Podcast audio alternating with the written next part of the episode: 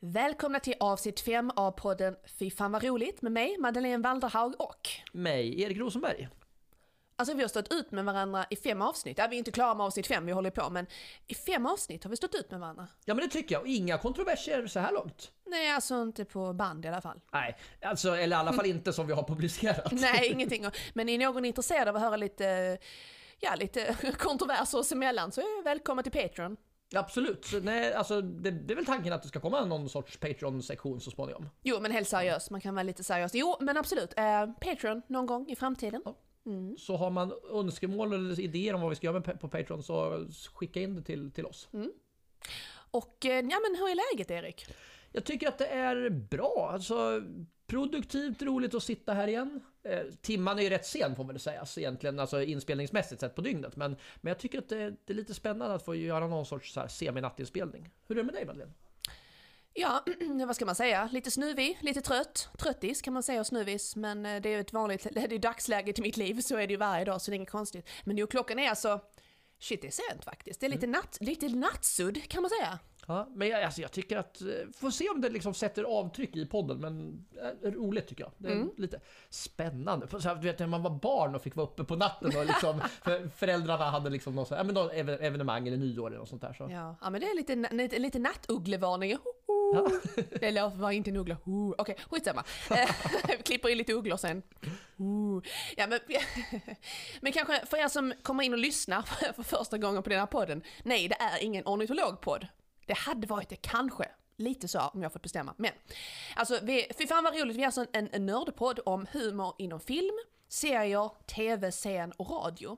Och eh, vi gör alltså nedslag i humorhistorien och så analyserar vi saker som vi tycker är roliga helt enkelt. Och en viktig sak är så här att vi är ju inga humorexperter, utan vi, vi är ju geeks, vi är fans, vi är nördar. Det är typ det vi är. Så är det. Och alltså, det kan väl diskuteras. Kommer man till vissa sektioner, alltså pratar vi amerikanska 80-talsserier i comedy så är du, du närmare expert alltså Madeleine, det får man nog säga. Det vill jag påstå. alltså nördigare än vad du är. Ja, verkligen. Och på ett positivt sätt såklart. Ja. Ja men vilka är vi då? Du kan väl presentera dig då, Erkan. Jag får kalla dig Erkan, Ja, men Erik. Släng, släng ur det någonting. Jag är från Fällingsbro, man fick alltid smeknamn, alla, ett nytt smeknamn varje vecka så det är bara att ta det.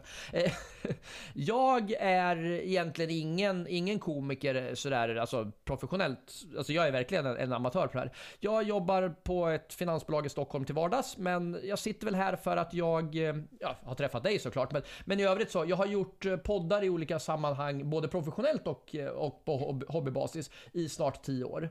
Och dessutom så klåpar jag lite som nybörjarkomiker på standup-scenen får du säga, sen typ något år tillbaka. Det är jag. Vem är du Madeleine? Ja, bra fråga. Nej, jag är, eh, vad ska man säga, jag frilansar inom kultur kan man säga och du sa att du har gjort poddar i ungefär åtta år. Jag har gjort stand-up i länge, sen, ja, nästan tio år. Har gjort stand-up och eh, ja, alltså lite blandat. Och sen annars så är jag liksom, håller på med skådespel och musiker är och modell och lite blandat. Alltså så här just inom kultur. Så det enklaste är att säga frilans inom kultur. Men eh, jag har aldrig gjort podd förut, det här är min första podd. Och, eh, men det är ju mest stand-up som jag är inne på, humor i allmänhet i olika former. Det låter som utmärkta yrkesval under coronatider. Jag har aldrig varit så rik i mitt liv. Absolut. Tråkigt. Sa jag med viss ironi och bitterhet. Ja, Eh, vi ska väl också säga så att med den här podden som du var inne på, alltså vi, vi analyserar saker och bryter ner saker. Det är väl på sin plats att spoiler, spoilervarna lite också. Mm, så är det. Så här kommer spoilervarningen.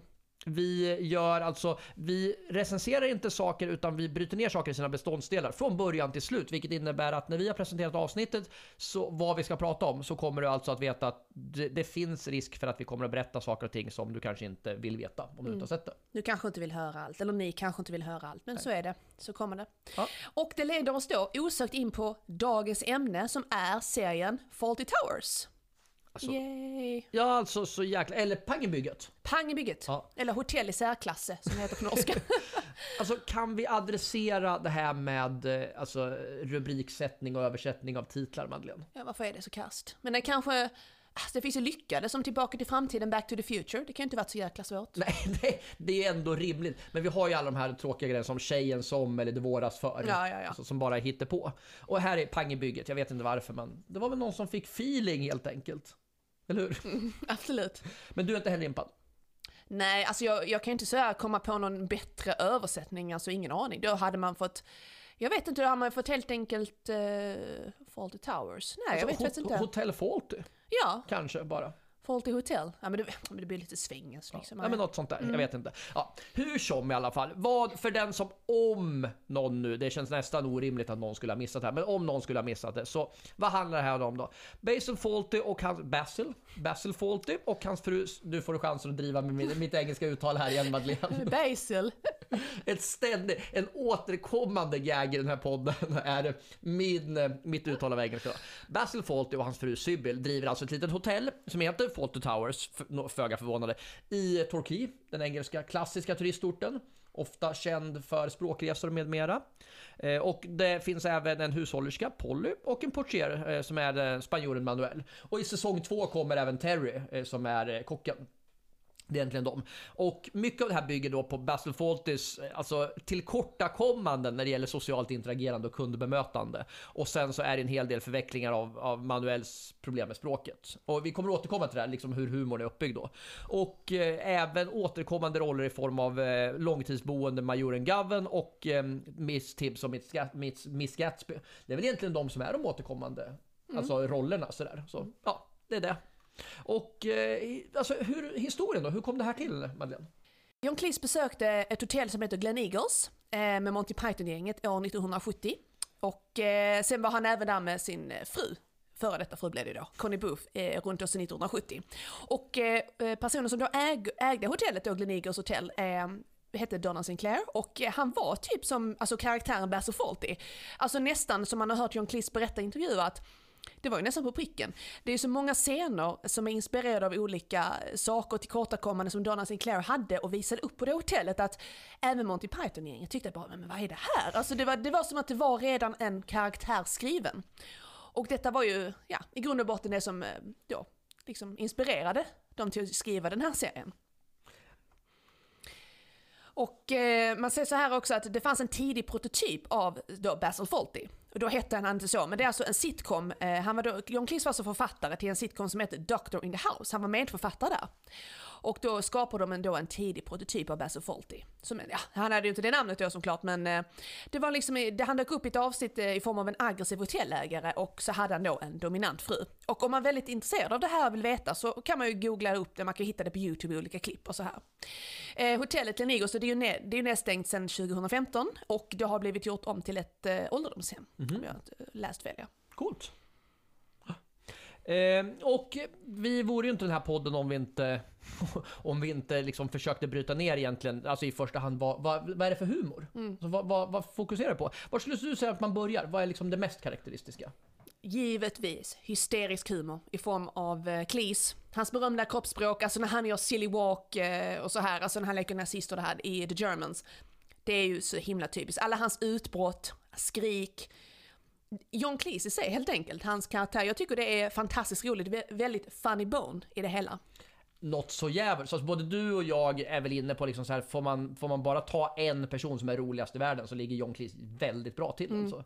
Och det är för mig kanske, är det inte en av få alltså, personer som kan spela av hur mycket som helst utan att det blir, blir dåligt egentligen? Eh, Jag tycker det är lite överspelat ibland, men det är ju det som är poängen. Det är ju det som gör det hela roliga, eller som jag brukar kalla det och har sagt tidigare, over the top humor. Att det är liksom så pass överdrivet att det blir hysteriskt roligt. Det är ju väldigt många exempel på de här Eh, vad ska man säga, särdragen hos eh, John Cleese som kommer fram i olika scener. Det är ju alltifrån när han pratar med sin fru Sybil till att eh, prata med liksom Polly, allting liksom. Hans eh, relation med Manuel, eh, allmänt när han eh, interagerar med gäster som vi kommer närmare till då. Hans karaktär, att det är ju fantastiskt roligt. Mm.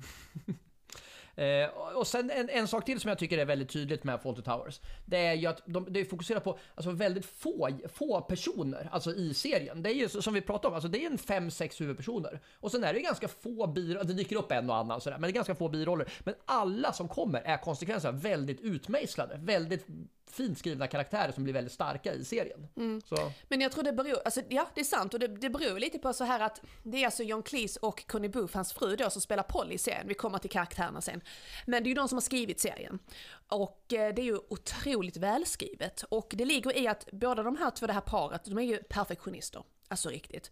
Och de det var ungefär att de var ungefär eh, lite över en månad, eh, ungefär en och en halv månad, så de liksom la ner tid på att skriva varje episod. Alltså varje episod är väl typ ungefär, det är lite olika längd på dem också, vad är det, mellan 25 och 40 minuter? Exakt, jag tycker att du nailade det väldigt bra där. Jag skulle faktiskt säga 25 till 40 så. ja. Så att eh, varje sån episod har de lagt ner eh, ungefär en och en halv månad på att skriva och göra, fin, alltså, göra det finstämt och så vidare. Och alltså det själva manuset kommer vara upp mot ja, 135-140 sidor.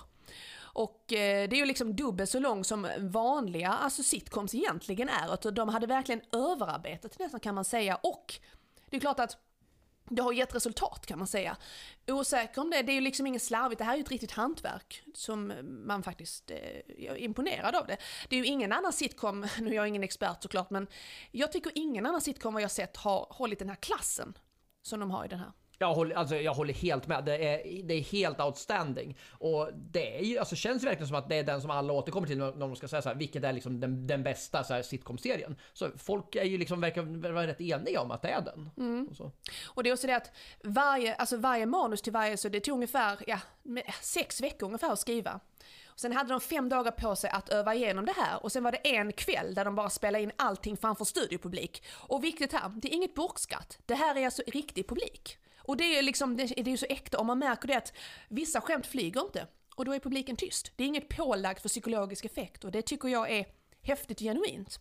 Jag håller med, alltså jag älskar det. Men det är helt, jag tycker det är jätte, jättebra faktiskt. Det borde, borde de ta efter idag också. Ja, och det är väl ganska ovanligt ändå får jag säga, liksom ren, ren publikinspelning. Men nej, men jag, jag gillar det verkligen. Och, och du, ja, men du, du pratade om det här med over the top-biten egentligen.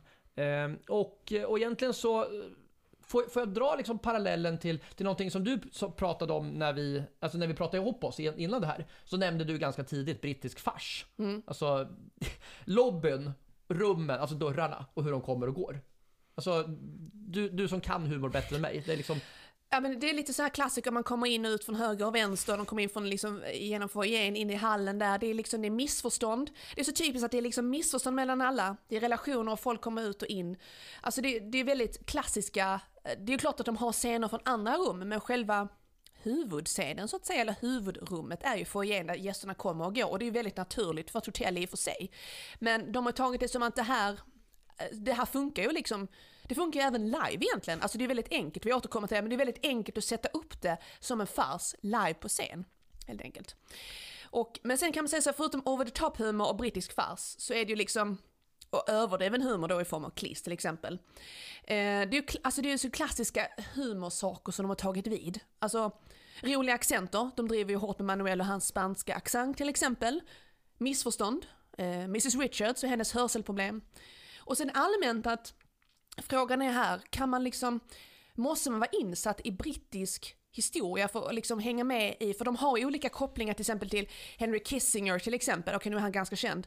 Men och det är olika personligheter som vi utanför England kanske inte riktigt har koll på. Eh, och det är ju bra att de har textat det då i så fall om man inte hör riktigt. Men eh, man undrar liksom om man kan, om man kan, om alla kopplar det. Det är ju... Alltså grejen är så här, jag, min, min personliga take på det är så att det är så jäkla skämttätt i det här. Alltså nästan varje replik, apropå det här du var inne på att det var så välskrivet. Nästan varje replik är ju perfekt utmejslad. Och då blir det så att även om en del, alltså det faller bort en del saker som, som man missar. Så är det så mycket övrigt så man tänker inte ens på det. Så, alltså att man, det som du säger, liksom, att, att man, man inte får med alla brittiska saker. Eller? Nej, alltså det är, det är liksom då, om man då ser om det flera gånger som vi har gjort så, så kan man ju liksom börja fundera på det. Sen, men förutom Manuel så tänkte jag också att det är ju liksom en annan stereotyp de drar och det är ju eh, O'Reilly, den här byggnadsarbetaren och hans mannar, mannar som, eh, alltså just det här att de driver med den här irländska och så här och, eh, men förutom det Eh, och tyska såklart, i the Germans, det, det, kan vi ju inte liksom gå ifrån. Eh, sen är det ju kroppsspråk rent allmänt, eh, som sagt klis då. Men sen är det också en del med äktenskapshumor, väldigt klassiska skämt. Vad kan man göra för skämt mellan liksom, eh, man och hustru liksom? Och det, men vi kommer till det senare, eh, där vi analyserar det vidare.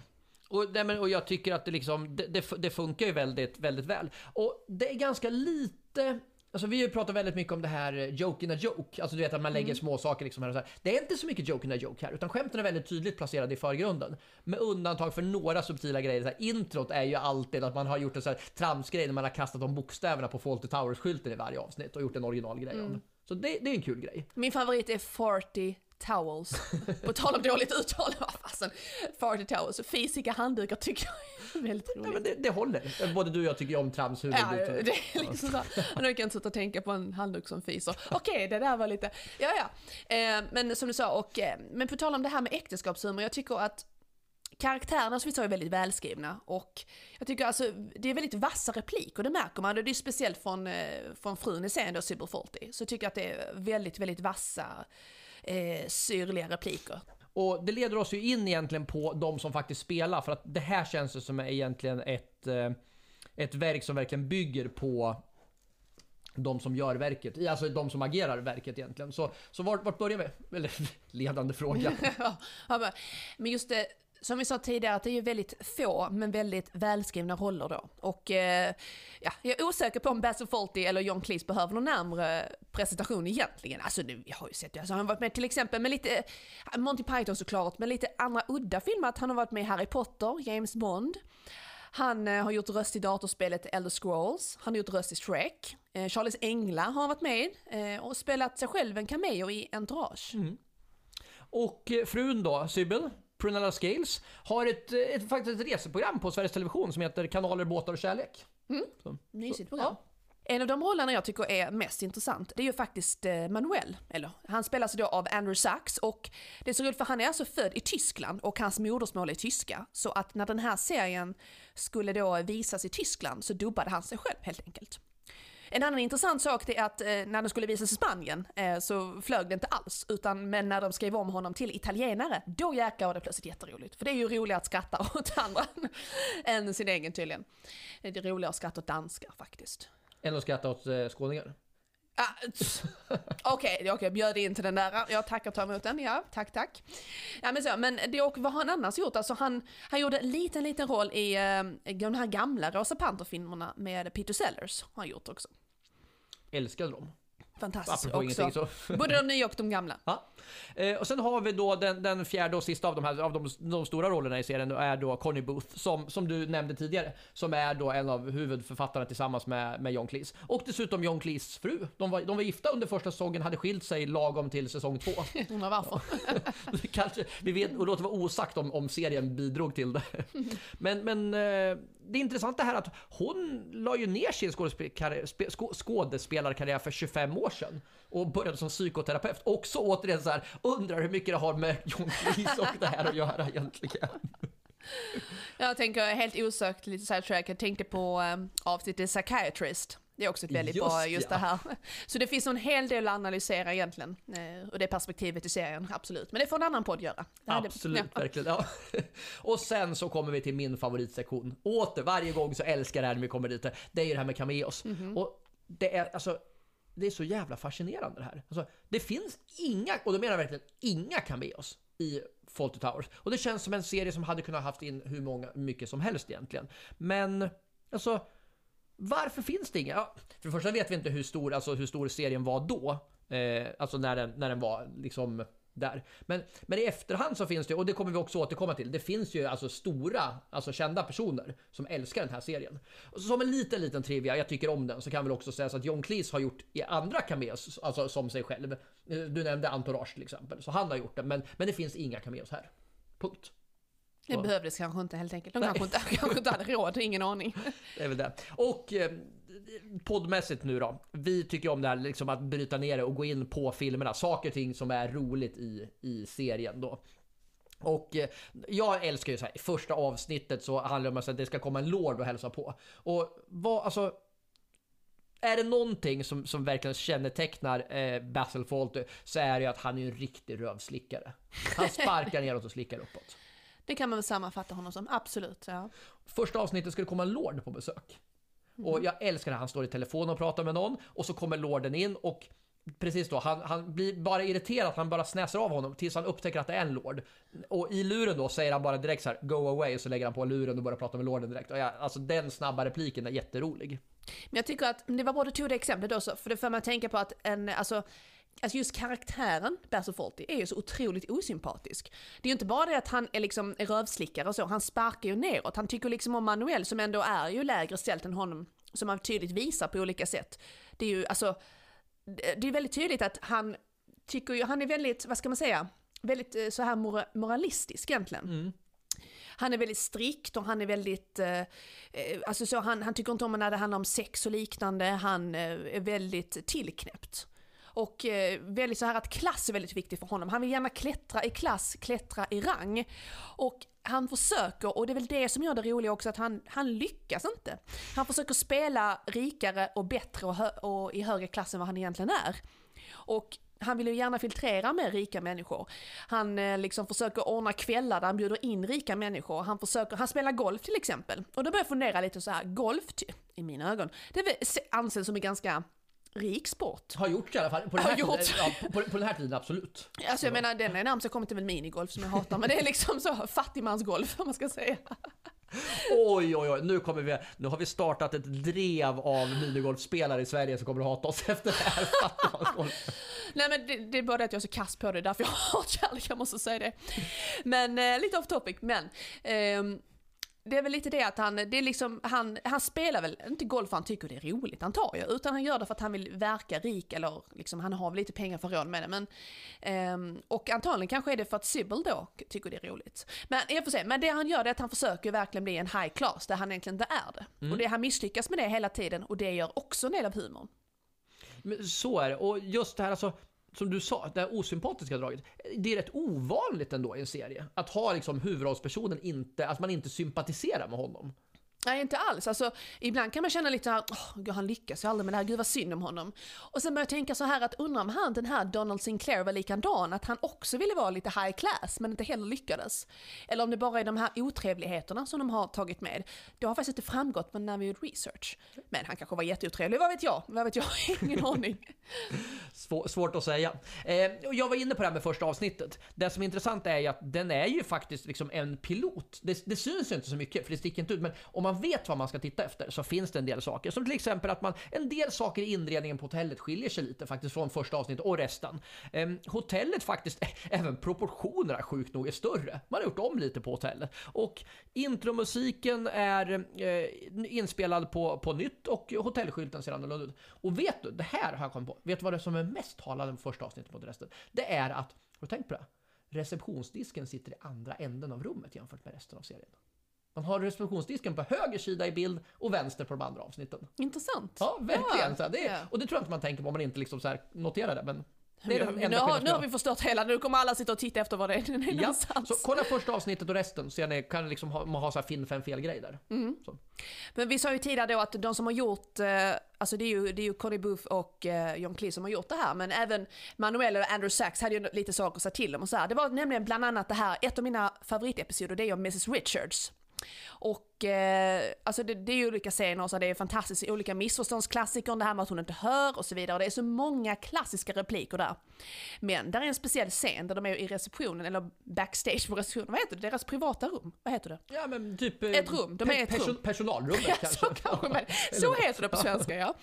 Eh, och de är där och pratar med Switchers och eh, det var så roligt för att eh, John Cleese fäller kommentaren Eh, Mrs Richards slår i huvudet och då säger John Cleese, is this a piece of your brain? Vilket är fantastiskt roligt och var ett av de skämten som gick bäst hem av eh, publiken. I publiken helt enkelt. Det är ju högst skratt där nästan. Men det roliga var att John Cleese ville egentligen inte ha med den här. Han ville verkligen stryka detta. Men Manuel Andrew Sachs liksom sa nej, håll det kvar. Och då blev det så. Och tur var väl det. Absolut, alltså det är coolt faktiskt. Mm. Um, något, något annat som jag tycker är fascinerande med den här serien, det är att som vi sa, troligtvis en av världens mest kända och populära komediserier genom alla tider. Men den är ju ganska kort alltså. Det finns bara 12 avsnitt. Punkt. Alltså totalt sett. Du kan bingea den här serien på 6 timmar. 12 halvtimmes avsnitt i princip med, med give or take som du sa med längden på avsnitten. Men på 6 timmar så har du sett hela pangebygget. Och jag undrar om det här var planerat för om i sista, absolut sista eh, episoden, Basil the Rat, så kommer det en Health Inspector. Jag tror, ja den heter nu Health Inspector, men och där handlar det om att han eh, såklart har förklarat själv vill stänga ner hotellet efter vad de hittade den där lilla söta råttan, Siberian Hamster. Eh, och jag undrar då att det kanske var meningen att antingen kände de att det här är avslutning, det här meningen att nu kanske historien är att de stänger ner för det var ohygieniskt. Eller så är det bara att de känner att det räckte så, att de fick nog. Jag har faktiskt inte läst någonstans varför de ville lägga ner serien. Eller de kanske bara känner att det tog alldeles för lång tid och... Nej, jag vet inte heller. Men du var inne på det här med att, de, med att eh, alltså, pratade liksom med eh, alltså, de som har skrivit serien, alltså Connie Booth och John Cleese. Det kan ju ha att göra med, i och med att de var separerade, så kanske de inte ville jobba ihop längre. Så, det så enkelt kan det vara. Men jag vet inte heller egentligen. Så. Nej, och sen vet jag att John Cleese har sagt senare att han kommer ju absolut inte, vill ju absolut inte skriva någonting som har med Fawlty Towers att göra utan Connie. Helt enkelt. För det är ju deras grej, deras baby, så man ska säga, det är deras grej liksom. Och jävligt fint tycker jag. Alltså att ha den inställningen. Även om de liksom har varit separerade i typ vad är det, 40 år, liksom 45 så. Men och en annan rolig sak med det här med Basil the Rat, det är att det är ju en riktig råtta ju. Det är, det är jättegulligt. Nu, jag är ju pro-djur, men jag tycker det är jättegulligt med råttor. Men det var så här att de spelade faktiskt in den här episoden i, förs, eh, i förskott. Innan, alltså innan, utan publik och så vidare. Ifall det skulle vara någon som hade en fobi för råttor. Det tyckte jag var lite kärt. Det var lite, lite gulligt att tänka på det. Så det är alltså inspelat innan där råttan leker och springer omkring. Det är alltså, jag tycker det var fint. Riktigt coolt. Du, och det är roligt så här, för du, du nämnde så här, Basil the Rat slash Health Inspector. Och då kanske vän av ordning nu kommer att säga så här, avsnittet heter minsann Basil the Rat. Men tji fick ni. För att det var nämligen så att när man gjorde det här så fanns det inte avsnittsnamn. Utan det som vi känner som avsnittsnamn, som till exempel Mrs, Mrs Richards eller The Germans, en klassiker. De där är tillagda i efterhand. När till exempel BBC eller någon har adresserat, alltså i sina tablåer. Så har man själv hittat på det. Så John Cleese och Connie Booth hade inga namn på sina avsnitt, utan då hette de Episod 1, Episod 2, Episod 3 och så vidare. Så det som vi känner som klassiska avsnitt är alltså namn som har kommit till i efterhand. Mm, ja. Så ja, så är det.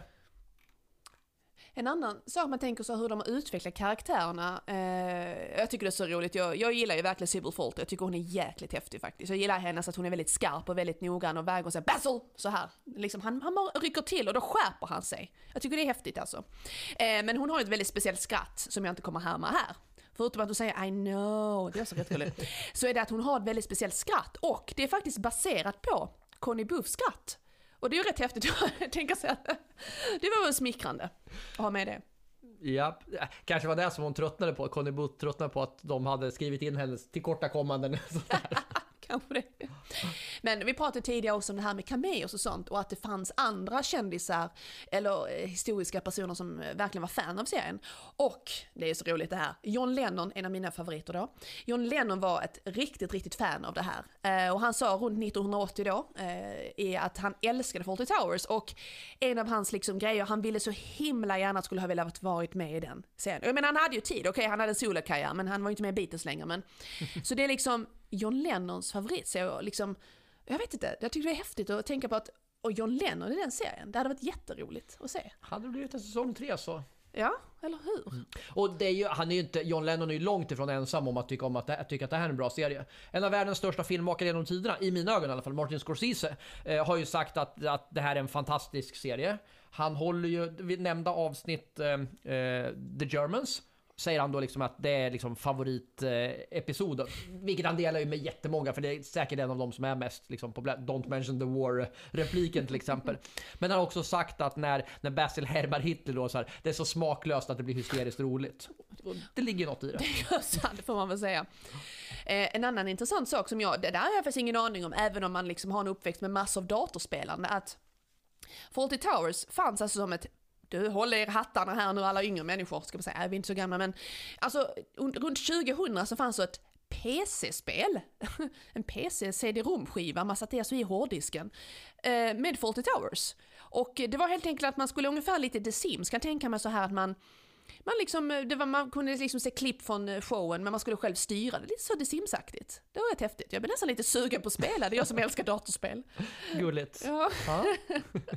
ehm, och eh, föga förvånande så är det ju alltså många, alltså som har, den har inspirerat väldigt många. De kanske två mest kända exemplen på, alltså på serier som, som faktiskt tydligt har sagt att de har inspirerats av det. Det ena är ju tredje, tredje stenen från solen, Third Rock from the Sun med John Lithgow. Och det andra är Skål, Cheers. Som, som har tagit inspiration. Och det intressanta är att eh, John Cleese har gjort gästframträdanden i bägge de här serierna. Så det får väl liksom räknas som att han liksom, så här, de tycker väl att det är Gudfadern som har dykt upp där. Så. Det kan man säga. Nej men på tal om, vi talade ju tidigare om det här att eftersom det är lite brittisk fars över det, eller till och med Wikipedia benämner det som fars till exempel, och sitcom, eh, det är att det är en utmärkt eh, tillfälle att sätta upp det som en eh, liveshow, en riktig fars. Och jag har faktiskt sett detta. Det var på Helsingborg, vad säger jag? Det var 2014 på Fredriksdalsteatern i Helsingborg. Med eh, bland annat Eva Rydberg och hennes familj höll jag på att säga, men Kalle Rydberg och Birgitta Rydberg och Adde Malmberg. Eh, och eh, faktiskt riktigt, riktigt bra. Bra skådespel, roligt, riktig publiksuccé. Eh, och så skulle det vara så här att de skulle egentligen kört nu 2020, sommaren då, på Fredriksdalsteatern. Men tyvärr, covid kom och sket ner allt. Så att det bevisligen så funkar det ju väldigt bra. Alltså coolt. Och det känns ju liksom som, vi, vi kommer återkomma lite till liksom att tolka och göra, göra om det. Det känns lite som ett självmordsuppdrag att, att göra, alltså Fawlty Towers sådär. Men samtidigt så, du pratar om farsen, mm. som, som liksom ett exempel, alltså den gör sig för sån teater. Och så, så nu när du säger så här, Adde Malmberg, John Cleese, alltså, ja ni kan ju, alltså folk kommer ha synpunkter på, men, men ändå så här, appearance-mässigt, ja why not alltså? Är det mustaschen? Kanske är mustaschen. Men jag ska säga också att eh, Kalle Rydberg som Manuel var också riktigt, riktigt bra. Ja såklart Eva och Birgitta allihopa också, det är ju inte bara det. Men jag tyckte det var, eh, jag tyckte det var välgjort och bra gjort. Och jag är väldigt kritisk. Va? Jag är ingen expert men jag tyckte det var väldigt bra gjort. Så eloge till Eva och gänget. Får jag bara slänga in vet du vem jag skulle ha kastat som, som eh, Basil Fawlty om jag fick kasta fritt i Sverige? Nej. Så får du kommentera den här. Okej. Okay. Vad säger du om Claes Månsson? Ja, varför inte? Absolut. Ja. Tänker jag hade kunnat gjort någonting. Så jag vet inte om det bara är längden, men jag tänker att... Liksom... Ja, det är någonting. Det är någonting, ja. Det, det är någonting där, ja. Du, och... Eh, serien blev ju alltså en det, alltså, från början så sades det att det var ingen superframgång direkt, men den fick ju ändå liksom jäkligt mycket cred. Alltså, den fick den här brittiska BAFTA Awards som är, det, liksom, det är väl motsvarigheten, det är väl brittiska Emmy om, om jag har förstått det rätt, för bästa, bästa sitcom bägge säsongerna. Både 75 och 70, eller 76 och 80 var det väl de delade ut priserna, mm. men same same då så. John Cleese nominerades till en, en BAFTA för första säsongen då, 76, och vann inte. Och 1980, intressant då, säsong 2, både Cleese och Andrew Sachs blev nominerade och Cleese vann. Mm. Och, välförtjänt. Och ingen hade väl klagat om Andrew Sachs hade fått priset istället så att säga. Men, men det är intressant att de fick två av fyra nomineringar för serien. Så, mm. ja. så det är väl det. Um, Okej, okay. nu tycker jag att det är intressant här. Vi har ju några saker som, som jag tycker faktiskt att vi borde liksom gräva oss ner på djupet för. Och det första är det liksom så här att ja, det är en, en väldigt populär serie. Det är väldigt klassisk humor. Men den är ju inne på en del saker som, som både du och jag så här hajade till i diskussionerna. Så här. Alltså, det första ska vi säga så här att i ett av avsnitten så har vi den här majoren. Han går väl in kanske på det mest, alltså så här, den här klassiska frågan som du och jag liksom har diskuterat, så här, får man skämta om vad som helst? Mm. Han uttalar ju väldigt tydligt flera gånger alltså den klassiska n-ordsdiskussionen. Mm. Han slänger ur sig det och det liksom blir en grej. Det hade ju inte funkat idag. Nej, absolut inte. Nej. Men frågan är så här, hur var det då? Alltså, vad, vad, liksom, vet du någonting om liksom hur det här mottogs på den tiden och liksom hur det sågs? Alltså, jag har ju frågat folk som såg det när de var kanske i, alltså när det väl kom, så har jag frågat folk liksom i, i den åldern som, ja men alltså vad, vad de, hade det varit blivit samma kontrovers då på 70-talet när det kom?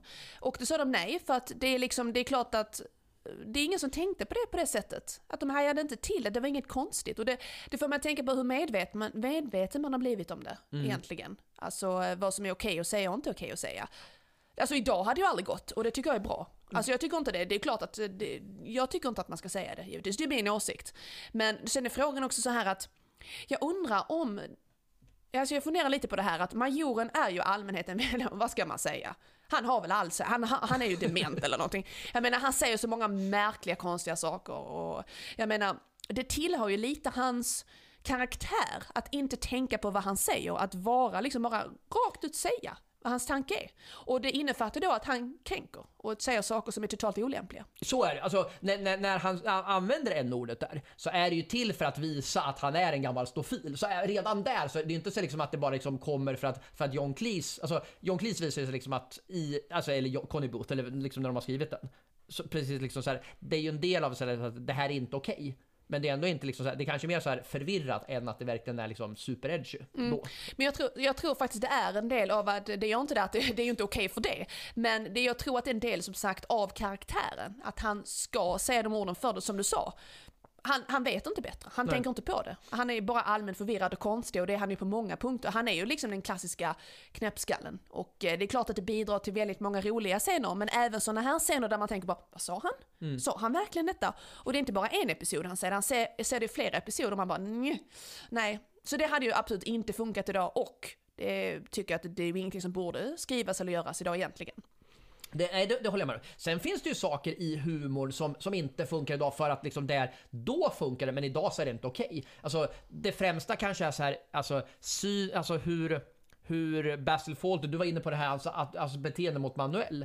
Men en del saker som man skrattade åt då, kanske inte känns kanske inte superroligt idag. Nej, för att, som vi sa tidigare då, det är ju inte bara hans att han är väldigt osympatisk. Det är ju hela han som är det egentligen, alltså Basso, För att för det första är han ju väldigt våldsam mot Manuel och då har, har vi läst då, då att det har blivit kontrovers och man bara, nej men det här är inte okej. Det är alldeles för våldsamt för hur han håller på med och det, eh, det, så är det ju. Sen har han ju också en väldigt dålig kvinnosyn till exempel, att han kommenterar och tittar i urringningar. Alltså, det är klart, alltså, det får väl män göra så, men idag hade det blivit liksom en metoo-grej av det hela. Liksom, att man, man gör bara inte så liksom. Eh, han har väldigt dålig syn på djur till exempel, men Basil the Rat. Han tycker inte om djur heller. Eh, synen på andra kulturer han skojar friskt med irländare, det är det ju, och spanjorer och eh, andra annat tyskar då, som vi sa tidigare också innan i avsnittet. Och det är ju inte, alltså det, är inte det att han skämtar om det, utan sättet han gör det på. Men ännu en gång, det är ju alltså en del av karaktären. Och då kan man fråga sig då, är det, gör det det då okej? Okay? Alltså, nej jag vet inte. Det, liksom, om man då uttalat det ungefär som när vi pratade om Borat och det här att, eh, när han avslöjar liksom folks åsikter. Liksom, det gör ju absolut inte att åsikten är okej, okay, men så länge man vet ju om att det här är ju inte John Cleese åsikt eller Conny Buff, det är inte deras åsikter. De visar bara, det här är en osympatisk person med sådana här vridna åsikter. Precis, och, men just när det gäller Manuel så kan jag också känna så här att, jo men det är klart att man ska skratta åt en del så här språkförbistring och så. Mm. Men i vissa scener så har de ju skrivit Manuel som direkt korkad. Alltså, mm. Så det kan man också känna så här, att alltså, blanda ihop den där alltså, andra kulturen som mindre vetande. Den mm. biten är man ju lite inne och cyklar på ibland. Så kan jag tycka, Jo, li lite för ofta i mitt tycke där att han, eh, det är ju inte bara hans, alltså han likställer, liksom, det är inget fel på apor, men han likställer Manuel med att han eh, liksom, eh, liksom dressera en apa och så vidare. Och så vidare. Det är ju inte sagt för, det är ju inget ont mot apor, men det är ju liksom för nedsättande, det är det som är syftet så att säga.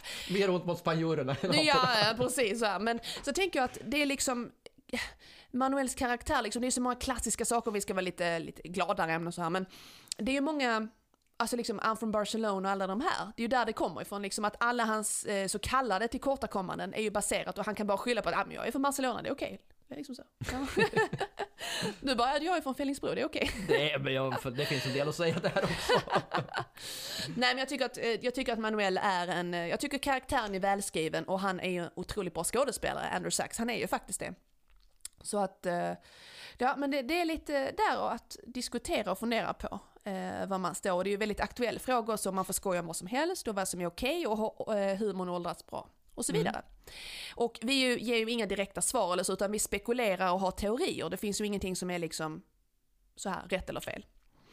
Eh, sen har vi då, som är väldigt, eh, jag tror är väldigt klassisk humor, det är ju det här äktenskapsrelationer. Och det är ju liksom väldigt igenkännligt det här liksom, liksom man och hustru, flickvän, pojkvän, alltså vilka kontroverser man kan ha emellan och, och eh, liksom vad man har för relation. För att alltså Bersul är ju, är ju en väldigt dominant, eller vill vara dominant och bestämmande och väldigt ha makt eh, och visa hög klass.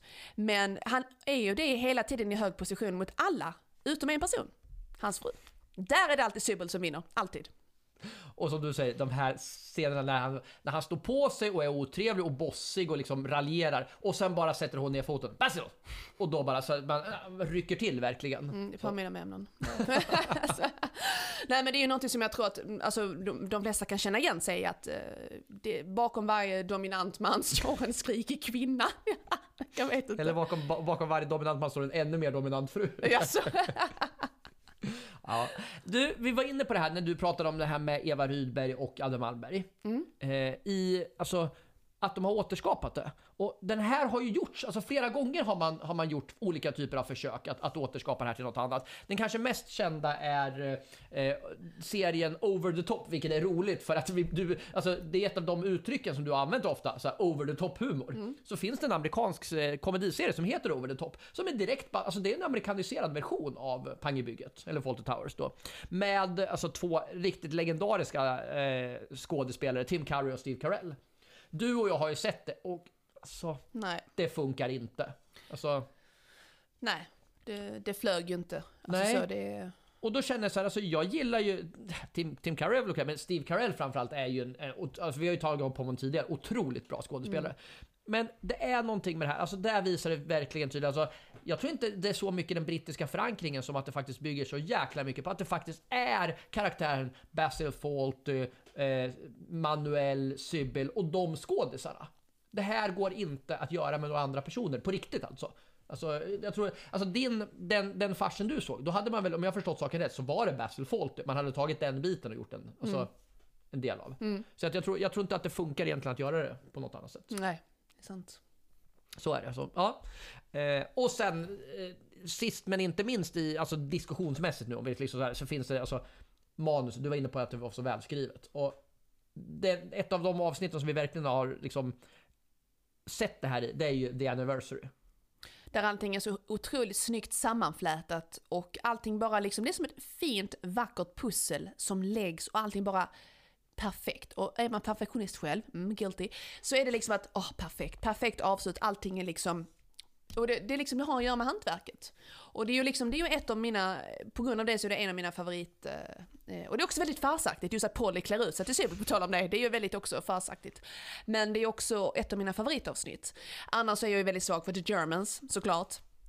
Och det är inte bara det, utan det är så, det är så roligt för att i och med att eh, John Cleese får en hjärnskakning så blir han ju ännu konstigare. Och då plötsligt jag undrar så här, en liten teori jag funderar på när vi såg om det. Om han inte fått en hjärnskakning, hur hade han då uppträtt mot tyska gästerna då? Det börjar jag undra lite då. Hade det varit, hade de då vågat ha um, John Cleese, eller förlåt, Basil Fawlty som en så hemsk karaktär att han liksom don't mention the war. Undrar om det hade funkat? Alltså, är Basil Fawlty så osympatisk? Alltså, jag tror ju typ att han är det. Tyvärr. eh, och när det gäller den här välskrivna sakerna, The Anniversary, just det här, det sätter ju fingret på, alltså när det gäller alltså, de välskrivna delarna, dialogen.